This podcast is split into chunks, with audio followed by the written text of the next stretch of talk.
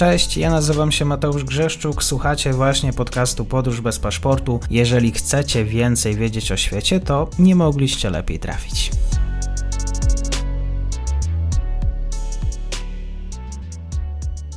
Dzień dobry wszystkim słuchaczom. Ze mną jest dzisiaj ksiądz dr Janusz Chyła, proboszcz parafii Matki Bożej Królowej Polski w Chojnicach, publicysta tygodnika Niedziela. E, dzień dobry, szczęść Boże, bardzo mi miło. Szczęść Boże, dziękuję za zaproszenie do rozmowy.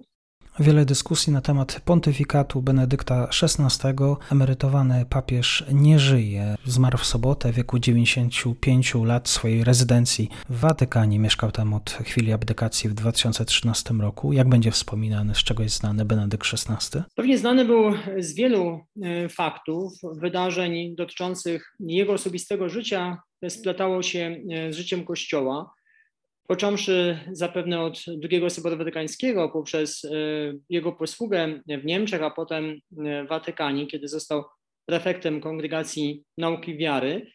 I w wieku już takim emerytalnym wielokrotnie sygnalizował pragnienie odejścia z tej funkcji, a jednak e, święty Jan Paweł II jako człowiek zaprzyjaźniony z Ratzingerem prosił go, aby w dalszym ciągu tę e, funkcję piastował więc piastował do końca mm, pontyfikatu Jana Pawła II, a potem ku pewnie zaskoczeniu wielu, chociaż śledzących y, życie Kościoła pewnie nie aż takiego wielkiego zaskoczenia, został następcą świętego Piotra, a po części także y, świętego Jana Pawła II, chociaż zawsze kolejny papież jest nade wszystko następcą y, wybranego przez Chrystusa i posłanego do Kościoła pierwszego z papieży.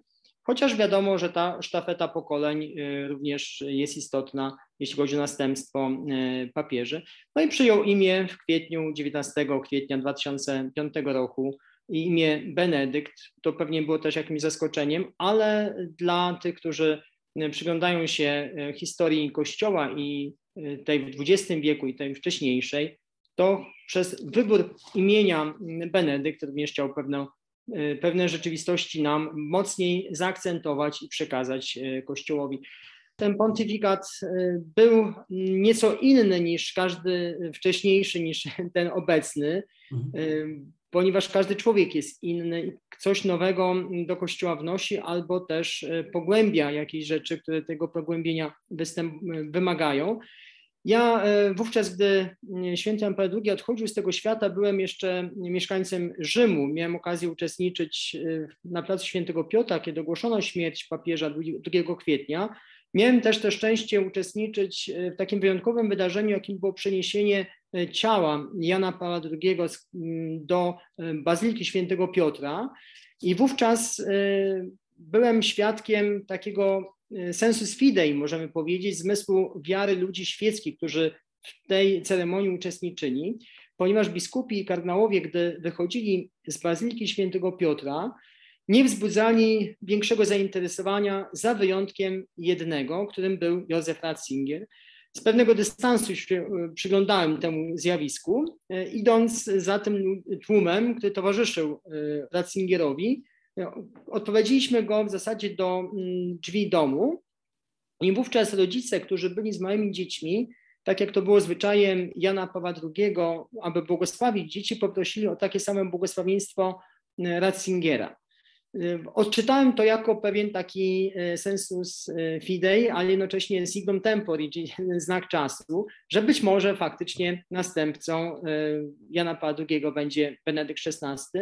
No i później 28, 19, przepraszam, 19 kwietnia miałem okazję uczestniczyć, gdy już ogłaszano na placu Świętego Piotra wybór mm, Ratzingera na, na papieża.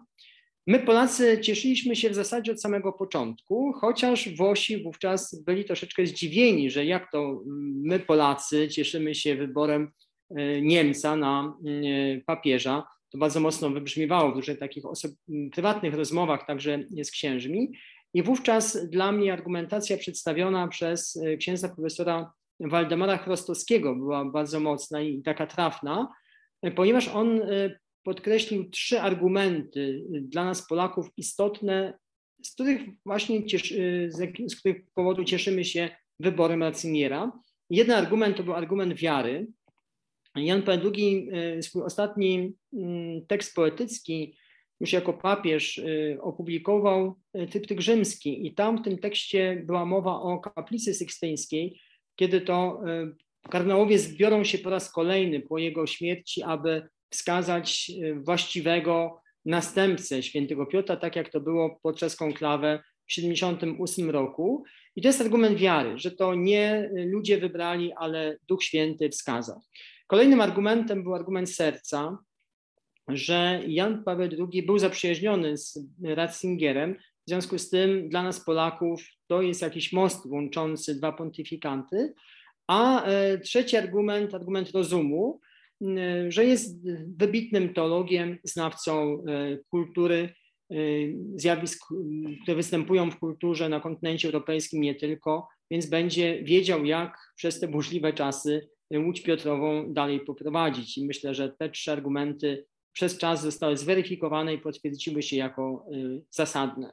Kościół Benedykta to kościół otwarty, kościół zamknięty, kościół, który też idzie z duchem czasu. Jak, jaki wizerunek kościoła za Benedykta?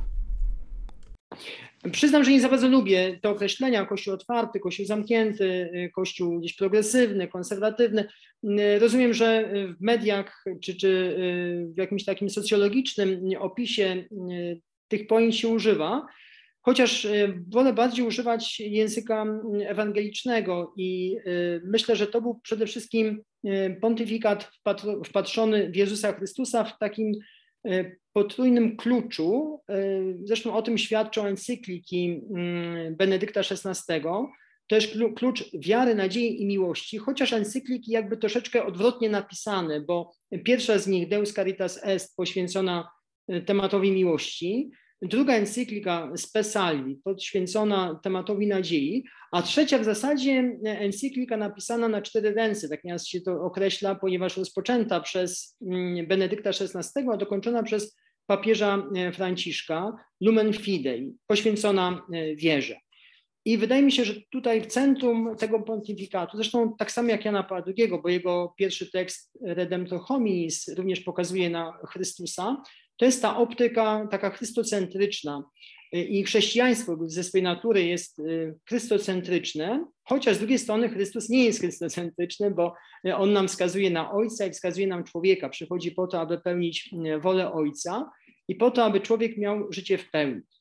I w związku z tym y, także wizja Kościoła, ta, która jest przedstawiona przez Benedykta XVI, wydaje mi się, że nie jest też wizją taką eklezjocentryczną, że Kościół nie tyle ma się zajmować sam sobą, My nieraz mamy taką tendencję, żeby myśleć o Kościele jakby troszeczkę w oderwaniu od Chrystusa, w oderwaniu od Ewangelii i tak socjologicznie analizując, zastanawiając się, jak to powinno wyglądać, jak to powinno wszystko funkcjonować, a jednak tu chodzi o powrót do źródeł, do, do Chrystusa i patrzenie, tę optykę kościelną, czy myślenie o Kościele jako tym, który w centrum ma Chrystusa i szuka realizacji Jego woli. W związku z tym nie idzie za mm, duchem czasu, ale przede wszystkim idzie za duchem świętym e, i stara się wsłuchać, co duch mówi tu i teraz do Kościoła. I wydaje mi się, że e, to nauczanie Benedykta XVI było tym właśnie, tym się charakteryzowało, taką optyką chrystocentryczną i o Kościele myślimy też jako tym, który realizuje wolę Bożą w takich czasach, jakie one są. A to, że te czasy nie są łatwe, nie są proste, to także Józef Ratzinger mm, już w zasadzie wiele, wiele lat wcześniej jako biskup y, przewidywał, mówiąc, że przyjdą takie czasy, kiedy Kościół wiele utraci, także y, ze swojego znaczenia społecznego, w jakimś sensie politycznego, czy zasobności ekonomicznej, ale stanie się y, wspólnotą bardziej żywą, choć składającą się z niewielu członków. Mm, taką wspólnotą wspólnot, co też bardzo mocno wybrzmiewa w nauczaniu Watykanum Secundum. I wydaje mi się, że jesteśmy świadkami takiego, takiego zjawiska mm, pogłębienia wiary u tych, którzy autentycznie wiedzą, dlaczego są ludźmi wierzącymi, a nie tylko z uwagi na pewną tradycję, na pewien folklor, na pewną e, obyczajowość. To szczególnie sobie uświadamiamy w kontekście e, uroczystości Bożego Narodzenia, że, że święta są przeżywane, a jakby trochę oderwaniu od ich genezy i ich istoty. Dlatego wciąż jest ta potrzeba powrotu do Chrystusa wpatrzenia się w niego i Kościół też musi wciąż wracać do, do tych swoich źródeł, czyli do swojego założyciela. Ale często te opinie Benedykta XVI na temat stanu Kościoła no, bywały brutalne. Tak, znaczy brutalne bywały także wówczas, gdy jeszcze był e, papieżem pełniącym swoje obowiązki, choćby e, gdy e, odwiedzał swoją ojczyznę, to mówił o kościele niemieckim. Mm, oczywiście my też możemy w Polsce wiele rzeczy się pozytywnych nauczyć od kościoła niemieckiego. To, to ja nie jestem zwolennikiem takiego mówienia, że u nas jest wszystko wspaniałe, cudowne, a, a na tym zgniłym zachodzie jest wszystko złe, bo to pewnie tak nie jest. My możemy się czegoś nauczyć od naszych braci E, katolików, chrześcijan e, z Zachodu, a oni pewnie od nas także. Ale Benedykt XVI mówił, że Kościół w Niemczech jest kościołem dobrze zorganizowanym technicznie, bo pewnie tak to jest. Mm, jest kościołem prowadzącym wiele dzieł charytatywnych na terenie Niemiec, i w krajach misyjnych, bo tak jest, ale ma jeden zasadniczy mankament, i to jest, zasad, e, to jest właściwie przyczyna kryzysu Kościoła w Niemczech i Kościoła w Europie. I mówił bardzo mocne w tym momencie słowa, że jest to brak wiary. Brak wiary jest powodem e, tych różnych e, zawiłości, tych różnych kryzysów. To myślę, że jest bardzo mocne słowo mm, Benedykta XVI, a później już jako mm, papież senior, jako, jako emeryt, też skierował list, gdzie dokonuje pewnej analizy przyczyn kryzysu Kościoła i gdzieś lokalizuje źródła w latach 60., rok 68, rewolucja seksualna, to, co jesteśmy, tego, czego jesteśmy świadkami obecnie, to pewna dyktatura relatywizmu. Są te pojęcie, które używał także Benedykt XVI, czy Józef Ratzinger. Dyktatura relatywizmu, która no, jest pewien paradoks, no bo jak relatywizm może być dyktaturą? No okazuje się, że jednak może być poprzez zanegowanie mm, prawa naturalnego, poprzez y, odrzucenie wizji biblijnej, tej też takiej związanej z naturą, wizji małżeństwa jako związku mężczyzny i kobiety.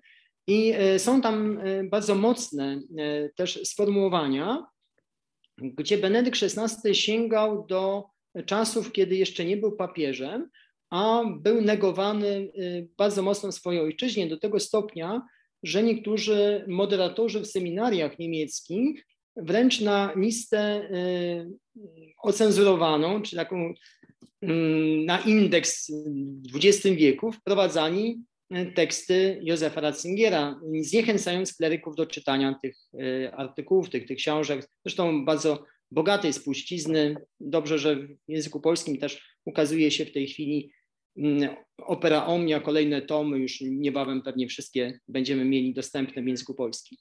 Czytałem dzisiaj tekst pani redaktor Moniki Białkowskiej o tym, że to właśnie Benedykt jako pierwszy powiedział, że król jest nagi, że kościół jest zepsuty, że kościół no, wymaga tej zmiany.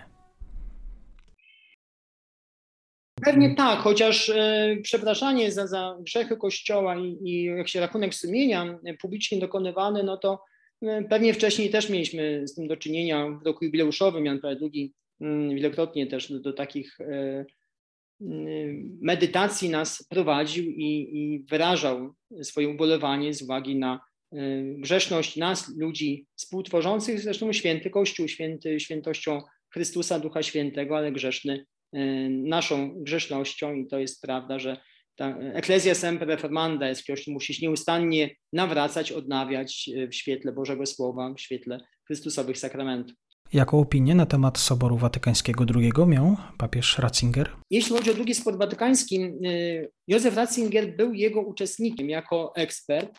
Zresztą y, od tamtego czasu znajomość y, z Karolem Wojtyłem, biskupem krakowskim, trwała przez kolejne lata. Józef Ratzinger, a potem Benedykt XVI, był zwolennikiem tak zwanej hermeneutyki ciągłości, czyli żeby nie przedstawiać drugiego Soboru Watykańskiego jako pewnej rewolucji, która mm, odrywa nas, odcina nas od y, wcześniejszej spuścizny Kościoła, ale że ona się wpisuje y, w tę spuściznę. Zresztą jak czytamy dokumenty Watykanum Secundum, to choćby sięgając po przepisy, no to widzimy, że nie byłoby Watykanum Secundum, gdyby nie było wcześniej pierwszego Soboru Watykańskiego, Soboru Trydenckiego czy innych soborów, bo mamy do czynienia w Kościele y, z pewną, z pewną ciągłością. a błędem jest przedstawianie Watykanu Sekundum jako zerwanie, czy nie jest nawet chyba interpretacji w ten, ten sposób soboru, że on wprowadza coś zupełnie rewolucyjnego, nowego i możemy zanegować wcześniejsze wieki Kościoła. Więc Benedykt XVI do końca swojego życia przedstawiał Sobór Watykański jako działanie, drugi, jako działanie Ducha Świętego, ale interpretacja tego soboru oczywiście może być prawidłowa, może być błędna i niejednokrotnie błędną była poprzez takie skutki pociągające ze sobą jak zanegowanie sensowności sakramentu pokuty i pojednania, jak pewną dowolność liturgiczną, która była także krytykowana przez Benedykta XVI, jeszcze jako prefekta, prefekta Kongregacji Nauki Wiary w książce Duch Liturgii. Więc e, podkreślał znaczenie tego soboru, mówił, że on jest ważny, że jest e, potrzebny, ale wymaga odpowiedniej interpretacji, e, takiej właśnie w duchu hermeneutyki ciągłości. Serdecznie dziękuję za spotkanie. Dzisiaj moim gościem był ksiądz dr Janusz Chyła. Niestety smutne wieści z Watykanu. Bardzo dziękuję za spotkanie. Smutno, chociaż jako ludzie e, paschalni, jako ludzie wiary też odczytujemy, myślę, że zawsze śmierć człowieka e, w duchu nadziei. Tego nas również uczył Benedykt XVI w encyklice Spesalvi że życie nasze kończy się, zmienia się, ale ono e, trwa i ufam, że za jakiś czas będziemy mogli również e, Benedykta XVI e, wspominać i też wzywać jako błogosławionego i świętego Kościoła. Bardzo dziękuję za zaproszenie.